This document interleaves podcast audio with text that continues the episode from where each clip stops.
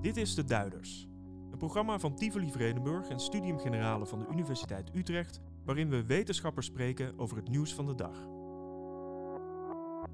In deze aflevering brengt Poetin Europa bij elkaar.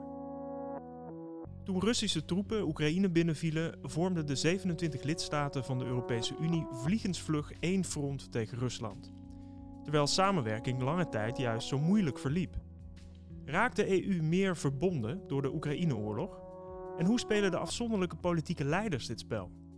We praten met Femke van Es, bestuurskundige aan de Universiteit Utrecht.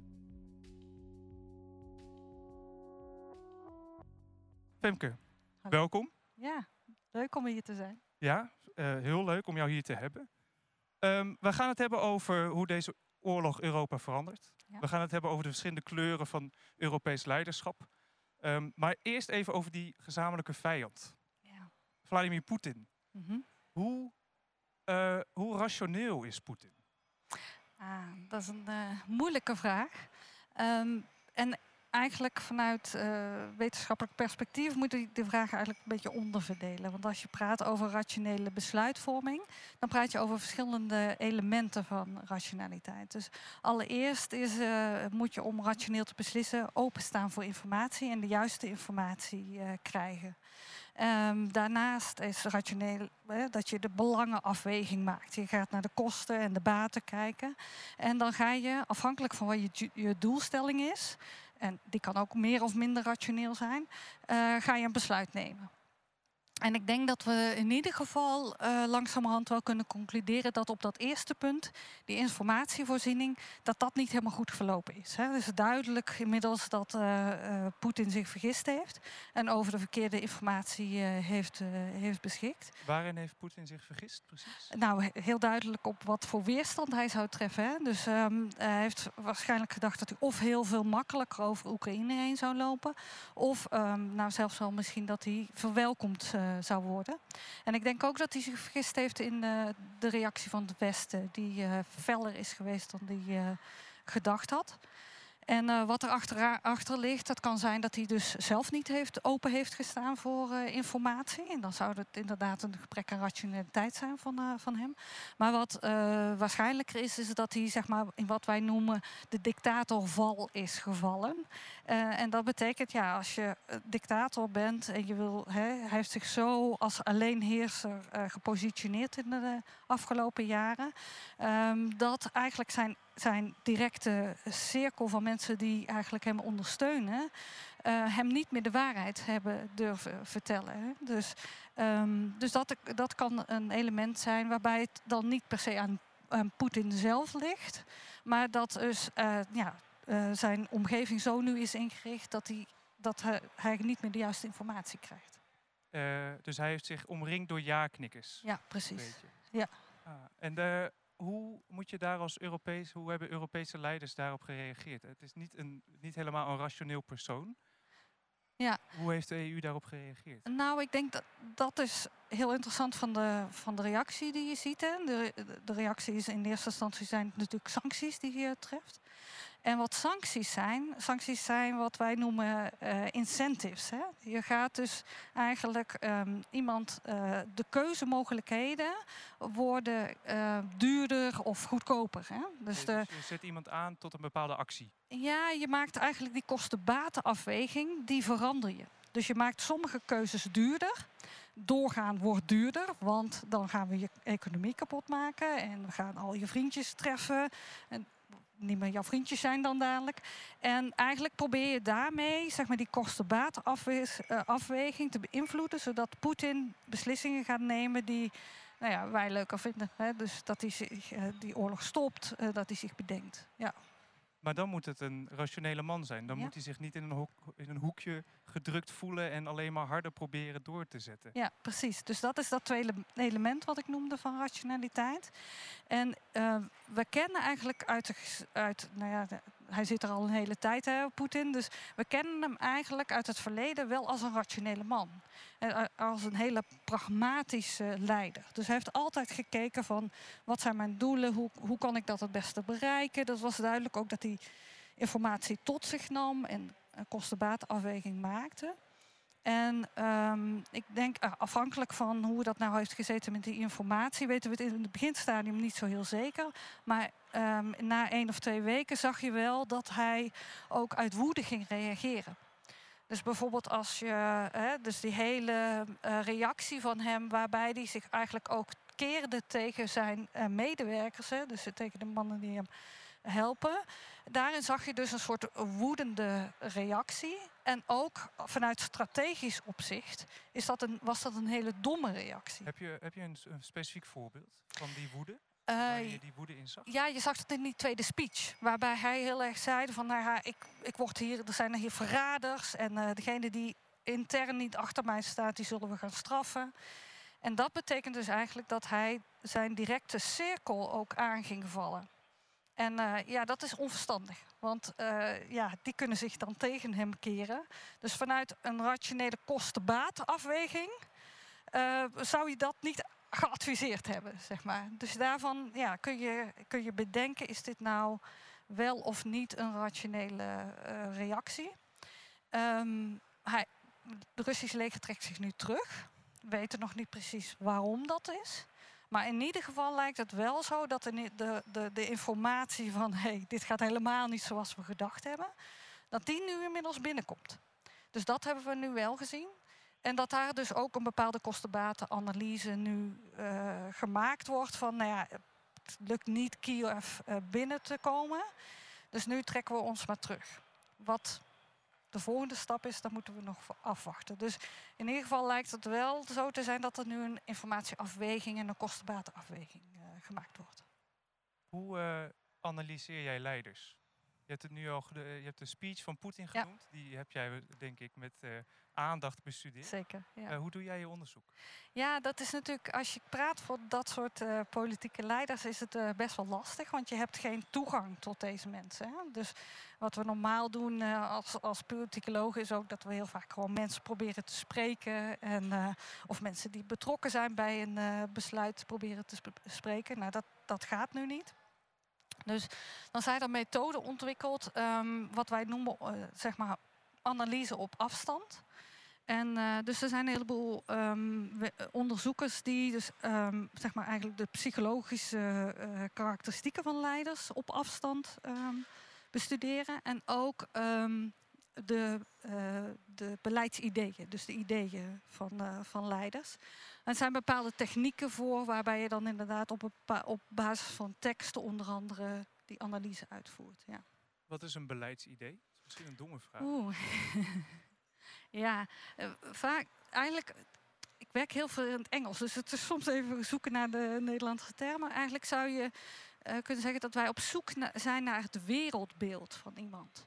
Dus hoe ziet de wereld, hoe denkt iemand dat de wereld eruit?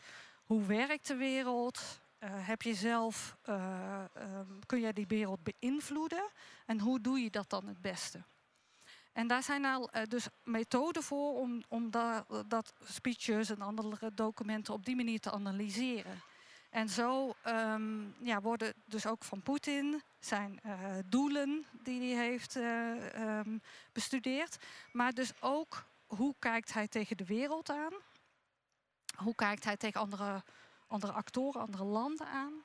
En heeft hij een voorkeur voor bepaalde inzet van bepaalde instrumenten? Ja, hoe, pakt hij, hoe wil hij eigenlijk de wereld beïnvloeden? Met uh, een leger bijvoorbeeld, dat ja. in zijn grens overstuurt. Ja. ja, en die analyses die laten dus zien, dus als je kijkt naar dat wereldbeeld, dan zien we in die analyses al, uh, wat bijvoorbeeld Angela Merkel al ook opmerkte, dat er rondom 2014 met de inval van de Krim, dat daar al een verschuiving in het eh, wereldbeeld van Poetin te zien is. Dus ik zei net van hij staat, stond eigenlijk altijd bekend als een pragmatische leider. En rond die tijd zien we dat dat gaat verschuiven. Mm. Nou, dus een pragmatische leider die van overtuigd was dat hij de wereld kon beïnvloeden. En ook dat hij dat er eigenlijk het beste kon doen door samenwerking uh, te zoeken. En rondom die inval van de Krim zien we daar een verandering in uh, komen. Je ziet dat hij uh, veel minder het idee heeft dat hij de wereld kan beïnvloeden. Dat hij de controle kwijtraakt. En dat kan wel ook een beetje de achtergrond zijn van het feit dat hij eh, het Westen en de NAVO als bedreig, meer, veel meer als bedreiging is gaan zien. Ja. Eh, dus dat correspondeert daar wel mee. En je ziet ook dat hij ehm, langzaam opschuift van het idee dat hij met samenwerking zijn doelen kan bereiken naar een veel agressievere houding. Dus dat hij veel meer vertrouwen in heeft dat hij zijn zin krijgt door dreigementen te uiten en ook uiteindelijk door geweld te gebruiken. Klinkt als een angstige man dan.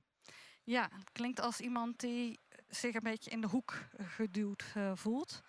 En dat is natuurlijk ook wel wat, en dat hebben mensen, jullie ook wel in de krant denk ik gelezen, hè, die, dat idee van eh, dat hij, eh, hij is heel bang geweest voor, eh, voor COVID. Hij heeft zich heel erg geïsoleerd. Ehm, en daarmee, ja, dat, dat heeft ook tot effect dat mensen een beetje paranoia kunnen worden. Zeker als je dus ook bedenkt dat hij politiek gezien steeds meer een, het zo heeft gemanipuleerd dat hij steeds meer alleenheerser is geworden. Ehm, en daarmee dus ook nou ja, minder mensen in zijn omgeving heeft die hem advies eh, geven, die hij vertrouwt om advies van te krijgen.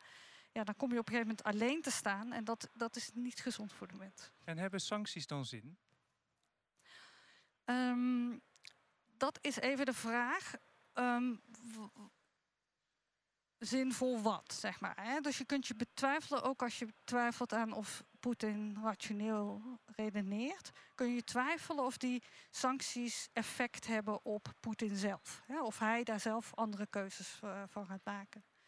Een tweede optie kan zijn, is dat die sancties toch eh, naar de oligarchen en de burgers heel hard gaan treffen. En dan hebben we vaak het idee van ja, als mensen in een land dan, dan slecht genoeg krijgen, dan komen ze wel in opstand en dan eh, krijgen we een revolutie, dan wordt hij afgezet.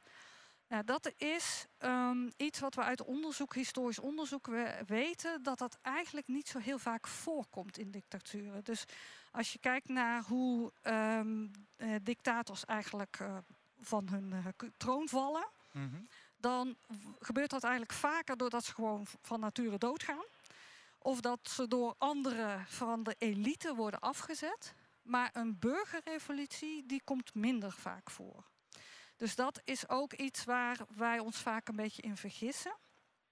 En we, heel toevallig, we hebben net deze week nieuwe peilingen gekregen vanuit Rusland. Mhm. Dan kun je zeggen van eh, wat heeft dat voor zin, hè? peilingen in een dictatuur. Maar die de worden, Russische Maurice de Hond, die Ja, heeft de- precies. gevraagd hoe ze Ja. En, eh, maar die peilingen worden al heel lang gedaan. Dus daar zit een soort bias in, want mensen durven misschien niet helemaal eerlijk te zijn, maar die zit er altijd in. Mhm. Dus wat je- bias is dat je bepaalde informatie niet echt krijgt, maar je, en dat je je richt op een bepaalde groep. En Ehm, dat daar wat vooroordelen in kunnen zitten of wat aannames mhm. die niet voor de hele groep gelden. Ja, Nou, kijk, als je een peiling doet in een democratie, in een werkende democratie, dan krijg je een mening van mensen terug. En die mening hebben mensen gevormd op basis van eerlijke informatie uit de krant. Je hoort niet alleen iets van de, van de overheid, maar of van andere bronnen. Dus je bent in principe goed geïnformeerd. Bovendien, wij durven allemaal te zeggen dat we Mark Rutte niks vinden. Hè, durven allemaal te zeggen in een peiling, geen enkel probleem. Maar in een dictatuur krijg je A al een eh, niet de juiste informatie vaak. Hè? Dus eh, in Rusland is dat ook zo. Bovendien is het behoorlijk gevaarlijk om te zeggen dat je Poetin niet mag. Ja? Ja. Dus die, je ziet daar waarschijnlijk een bias. Hè? Dus waarschijnlijk is, zijn die cijfers voor steun voor Poetin hoger dan dat het in de werkelijkheid is. En wat zeggen die peilingen nu? Ja, wat, wat je dus wel kunt zien, is een trend over tijd. Want die factoren veranderen niet. Dus als er nu een bias is, dan was er drie jaar geleden ook. En je ziet nu in de laatste peilingen dat de steun voor Poetin 12% gestegen is. En dat is, was ook bij de inval van de Krim. Aha. En je kijkt heel verbaasd. Ja, ik had, ik had niet verwacht dat je daarheen zou gaan. Ja. Ja. Oké, wat zegt dat? Wat zegt dat? Dat zegt eigenlijk dat dit is een heel bekend fenomeen eh, wat hier eh, optreedt. En dat noemen wij de rally around flag fenomeen. Dus als een land in crisis raakt, dan heeft de burgerbevolking de neiging om achter de leiders te gaan staan. En dat is al helemaal zo in oorlogssituaties. En we zien dat effect heel vaak in democratische landen. Dat kennen we ook van democratische landen. Maar dat effect doet zich ook voor in dictaturen. En dat effect doet dus zich dus ook voor als het land zelf een oorlog begint. Dus dat is tegen ons gevoel in en tegen onze hoop in ook, denk ik, vooral. Maar ja, dus, in, uh, in vergelijking met vorige maand is de steun voor Poetin uh, 12% uh, gestegen. En die gaat nu richting uh, ja, de 80%. Dat, dat zegt dan misschien niet helemaal zoveel. Dat weet je niet per se hoe, hoe, hoe het... maar die stijging is dus reëel. Ja. Hoe moet je dan als Europese leider omgaan met Poetin? Als je bijvoorbeeld dit weet dat hij niet alleen dat, dat hij nu de laatste tijd wat meer door zijn volk gedragen lijkt te worden, maar ook dat hij angstig is en dat hij reageert uit angst. Ja. Hoe, wat moet je daar dan mee doen als leider? Want, want bijvoorbeeld Joe Biden, die kan dan wel met een soort spierballenretoriek mm -hmm. zich hard opstellen tegen, tegen Poetin. Uh, Emmanuel Macron, president van Frankrijk, die probeert wat meer een brug te slaan volgens mij. Of in ieder geval dat gesprek aan te blijven voeren. Hoe, ja. hoe, hoe, moet je daarop reageren? Of misschien is de vraag, hoe zie jij verschillende EU-leiders daarop reageren? Ja, nou je zag in ieder geval uh, dat bijvoorbeeld Macron probeerde eigenlijk op de manier zoals hij altijd met Poetin heeft uh, gepraat. Dus die zoekt heel erg de verbinding. Ook natuurlijk sterke historische verbindingen tussen Frankrijk en Rusland. Uh, Macron heeft nu dus ook gezegd: hé, hey, maar ik tref hier een hele andere leider tegenover mij. He, dus ik ken hem, maar nu is er iets veranderd. Uh, dus het is de vraag of daar op die manier nog met Poetin te praten is op dit moment. Of je daar iets mee bereikt. Er is nog mm -hmm. mee te praten, maar of je daar iets mee bereikt. Um, andere reacties zijn natuurlijk. Um, uh, nou ja, de, de, de sancties, hè, dat is de, de, de reactie en ook de gezamenlijkheid. En ik denk dat dat een verstandige reactie is. Dus je ziet dat uh, in de Europese Unie na, nou ja, voor, de, uh, voor die inval zagen we nog, hè, Orban die ging gezellig op de koffie en uh, de een, oh, schoten alle kanten op zoals dat altijd in Europa gaat. Uh, maar op het moment dat er die inval gepleegd werd, toen zag je ineens dat ze wel samen en uh, een, één, één stem wilden laten horen. Dan zie je nog wat schermutselingen, want er zijn natuurlijk heel veel verschillende belangen. Sommige landen zijn heel afhankelijk van dat gas, andere minder. Dus daar is, er is altijd natuurlijk heel veel gepraat no nodig. Is ook heel goed, hè? dat is democratisch, dus maar fijn dat ze dat doen. Um, maar die eenheid en ook Biden heeft heel erg um, ingezet op die eenheid ook Amerika en, en Europa, gewoon samen. Um, en dat is denk ik heel verstandig. Dus je moet in ieder geval je niet uit elkaar laten spelen op dit moment. Dus, um, en je hebt gezien, ja, het zijn natuurlijk uh, ja, uh, historisch gezien natuurlijk unieke sancties die er getroffen zijn. Uh, dus dat is denk ik heel goed om die eenheid te bewaren. En, um, en ja, je hebt een aantal leiders gehad die nou ja, foutjes hebben gemaakt, zullen we maar zeggen. Dus, um, ik Waar doe je op? Ja, bijvoorbeeld uh, nou ja, de reactie van, uh, van von der Leyen. Hè, mm -hmm. Om te, uh, heel snel te roepen, Oekraïne mag nu bij de Europese Unie komen. Ja. Um, ik Ur vind dat... Ursula von der Leyen, ja. Wat is haar beroep ook weer? Wat heeft ze voor functie in de EU? Zij is de voorzitter van de Europese Commissie. En um, nou, dat is, dat is heel sympathiek, een heel sympathiek gebaar. Maar er zijn wel heel veel nadelen aan dat ze dat heeft gezegd. Dus A, inderdaad wat jij zegt. Poetin voelt zich bedreigd door het, uh, door het Westen. Die wil juist helemaal niet. Die wil dat Oekraïne in de invloedssfeer van Rusland zit. Of zelfs overgenomen wordt door Rusland. Dus uh, uh, zo'n uitspraak is uh, verhoogde dreiging in zijn ogen. Um, dat, dat is aan zich niet verstandig om dat te doen. Um, als je niet weet of iemand rationeel gaat reageren. Mm -hmm. Maar ook is het onverstandig omdat A. Ursula von der Leyen niet overgaat of, Europese, of Oekraïne lid kan worden. Uh -huh. uh, daar gaan de uh, lidstaten over. Dus hebben, alle lidstaten hebben daar een veto op. Mm -hmm. Daar is helemaal geen overeenstemming over. En ook nog eens omdat, uh, zoals we kennen van de Europese Unie, is alles aan regels gebonden. Hè? Die, die, um, governance by rules, zeg maar eigenlijk. En um, het duurt dus, er zitten enorme procedurele trajecten om uh, lid te worden. Wat bedoel je precies met governance by rules? Kun je dat iets meer uitleggen? Ja, um, eigenlijk probeer je, probeert Europa um, eigenlijk Europa te besturen. Uh, niet noodzakelijkerwijs door macht uh, uit te oefenen, maar door alles in regels te leggen. Dus mm -hmm En daarmee hebben ze altijd geprobeerd eigenlijk de politieke ruzies een beetje uh, te dempen. Door overal regels voor te bedenken. En dat is nu ook met uh, het toevoegen van Oekraïne als lid aan de EU. Ja, dat, dat, dat proces. Dat die regels uh, in de weg. Ja, dat, is een, dus, dat zijn heel veel stappen. Uh, je moet dus alle regelgeving van de EU moet je implementeren. Dus dat is niet genoeg dat je zegt, ik wil die regels. Nee, je moet ze doorgevoerd hebben in je eigen, um, in je eigen systeem. En dat is dus wat ik altijd tegen mijn studenten, dat noemen wij hoofdstukken. De Acquis Commentaire heeft 35 eh, hoofdstukken. En een hoofdstuk is een telefoonboek dik. En dat moet je allemaal ingevoerd hebben. Um, en dat is om, om een idee te geven voor het publiek. Um, Servië is al 13 jaar bezig. En op dit moment zijn er twee hoofdstukken afgerond. Mhm. Dus voordat Oekraïne, als we al overeenstemming bereiken dat ze erbij mogen, dat zijn helemaal niet alle lidstaten over eens, is dat een proces van echt jaren, jaren. En waarom zei Ursula van der Leyen dat dan? Ja, het is heel erg wat daar gebeurt. En we willen heel graag iets voor ze doen. Ja. En ik denk dat dat dus inderdaad een soort een, eerder een emotionele reactie is geweest. Ja, en dat is dus een foutje, onderlinge foutjes tussen, uh, of, uh, van Europese staatshoofden, ja. noem jij ze. Uh, hoe verklaar jij die plotselinge eensgezindheid in Europa? Ja, dat is ook een heel bekend fenomeen als je een gezamenlijke vijand hebt. Ja, dan verdwijnen onderlinge verschillen in belangen verdwijnen naar de achtergrond. En nu in dit geval, hoe langdurig is dat? Nou, in ieder geval, in dit geval nog wel totdat dit is opgelost. En ja, hoe lang gaat dat duren? dus dat, dat, is maar de vraag. Mm -hmm. dus tot ik het einde van de van tot, tot, het moment dat wij gaan verklaren als het einde van de Oekraïne-invasie, is de EU meer eensgezind. Ja, op dit punt. Dat moet je er wel bij zeggen. Oké. ja. ja. ja. Op het punt van de op het punt, de, de reactie en, en het beleid ten opzichte van, van Rusland. En je zult ook nog wel zien, ik bedoel, het, er is geen volledige eenheid. Hè? Dus uh, er zijn nu weer discussies over, moeten we een ban op, dat, op de olie afkondigen? Wat doen we nou eigenlijk met dat gas?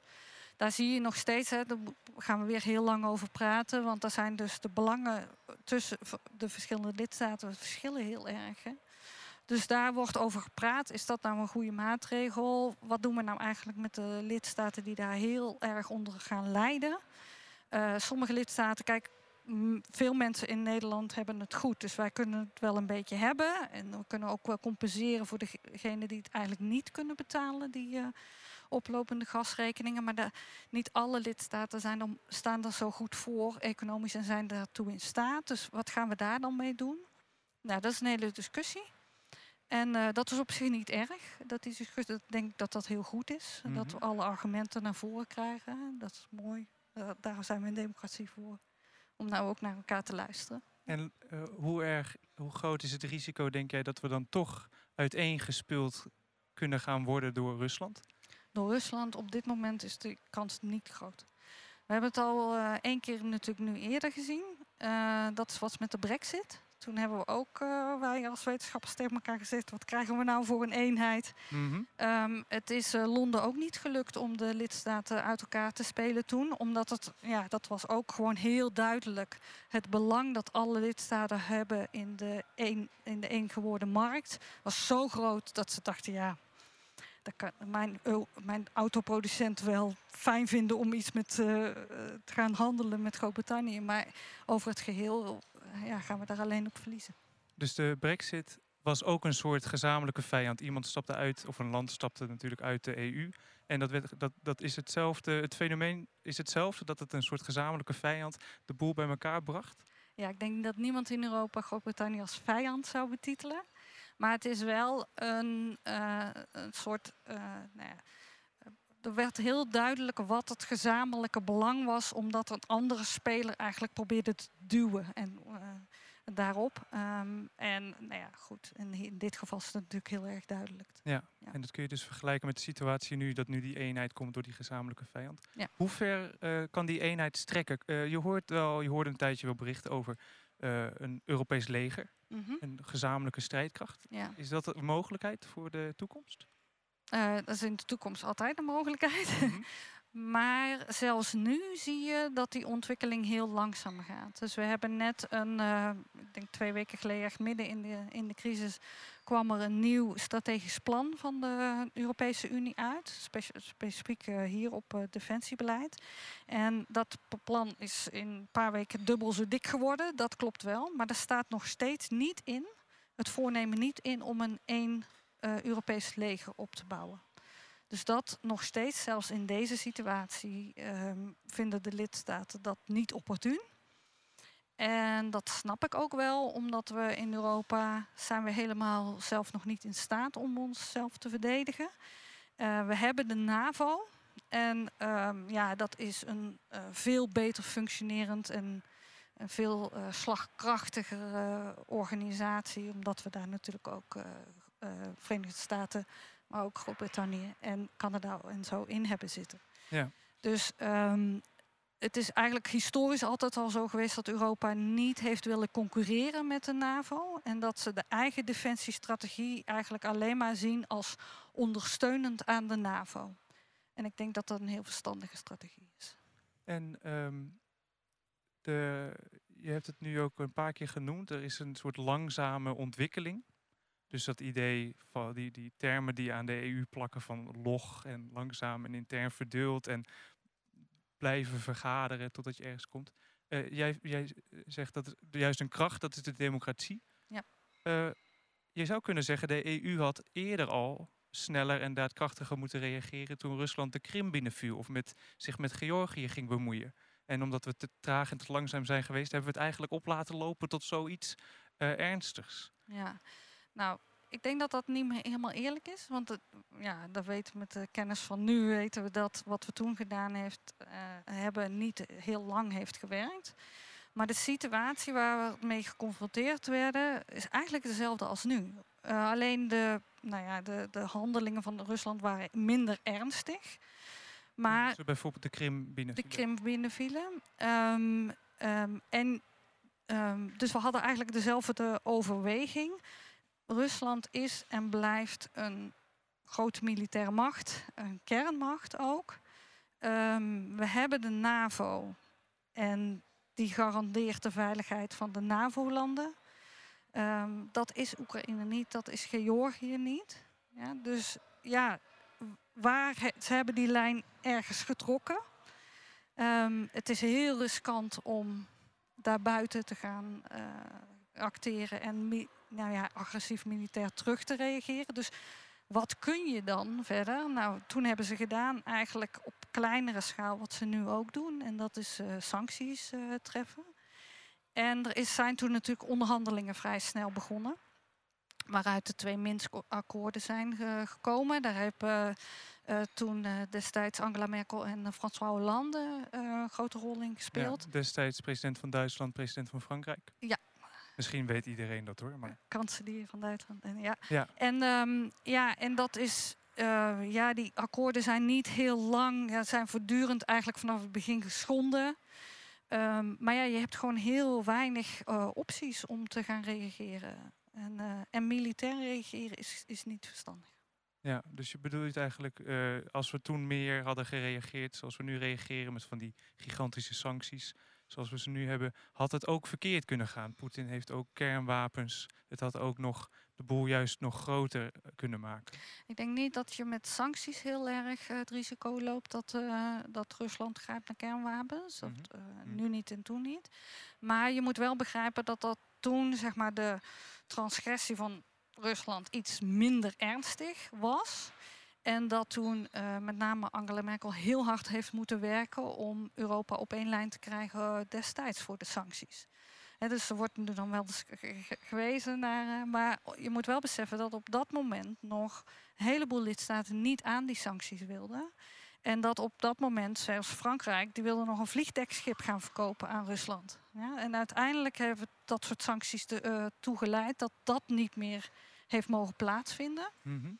Um, dus het was toen ook harder werken om de boel op één lijn te krijgen. En ook steeds weer hard werken om die sancties gehandhaafd te houden. Ja, en dat was misschien een stap ook in de eensgezindheid van Europa, de dichtere verbinding tussen de Europese lidstaten. Ja, dus het is, uh, nou ja, dat weten we allemaal. Het is gewoon hard werken met uh, 27 staten die allemaal andere belangen en andere geschiedenis hebben. Ja. Om dat op één, lijn te, op één lijn te krijgen. En ja, dat is precies waar de Europese Unie voor bedoeld is. En wordt Angela Merkel, is mijn laatste vraag voordat we naar het publiek uh, vragen. Wordt Angela Merkel gemist op dit moment? Ja, kijk, ik, ik, ik heb, ben een groot bewonderaar van haar leiderschap. Ik dacht het al te zien ja. hoe je antwoord gaf op de vorige vraag. Ja, dus ik, uh, zij is eigenlijk als je, als je uh, tegenovergestelde van wat Poetin uh, doet. Hè. Ze was iemand die heel goed luisterde. Die heel goed in staat was om een, een issue waar iedereen, van, nou, iedereen overhoop over lag. Allemaal in kleine blokjes op te delen. En iedereen die kreeg dan iets. Iedereen kon een klein beetje winnen. Niemand was ooit heel blij, maar iedereen was uiteindelijk tevreden. Dus we kregen we wel weer een, eh, een overeenkomst.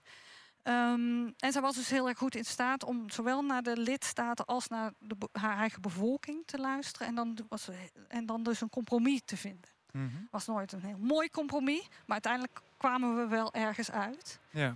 Um, dus, um, dus in die zin heb ik altijd heel veel bewondering voor, voor haar leiderschap gehad ik denk wel dat als je nu soms mensen hoort van hadden we Angela Merkel nog maar. Ja, god, ik bedoel, ze is geen. Uh, ze kan niet uh, toveren, zeg maar. Dus dit, dit was ook voor haar natuurlijk geen, geen makkelijke situatie ja. uh, geweest. Ja, maar ze is natuurlijk, ze heeft een, ze is, ze heeft een bepaalde manier van leiding geven. Ja. Ze heeft dus die bepaalde eigenschappen. Ja.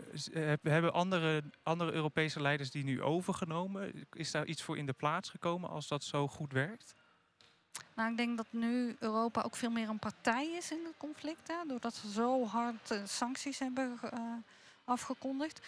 Dus ik denk dat het heel moeilijk zou zijn voor welke Europese leider of partij dan ook om nu als bemiddelaar op te treden. Mm -hmm. En uh, ja, je ziet dat Erdogan nou in, de, in dat gat stapt. Ik weet ja, um, ook niet of dat verder heel veel op gaat leveren. Maar um, nou, dus ik denk, ja, ik denk het ze was een heel begaafd leider, maar ja, kun je heel veel doen in dit, deze situatie is wel even de vraag. Right, ja. Niemand kan toveren. Niemand kan Geen leiders kunnen toveren. Nee. Je hoorde een aflevering van de podcast van Studium Generale. Benieuwd naar meer afleveringen?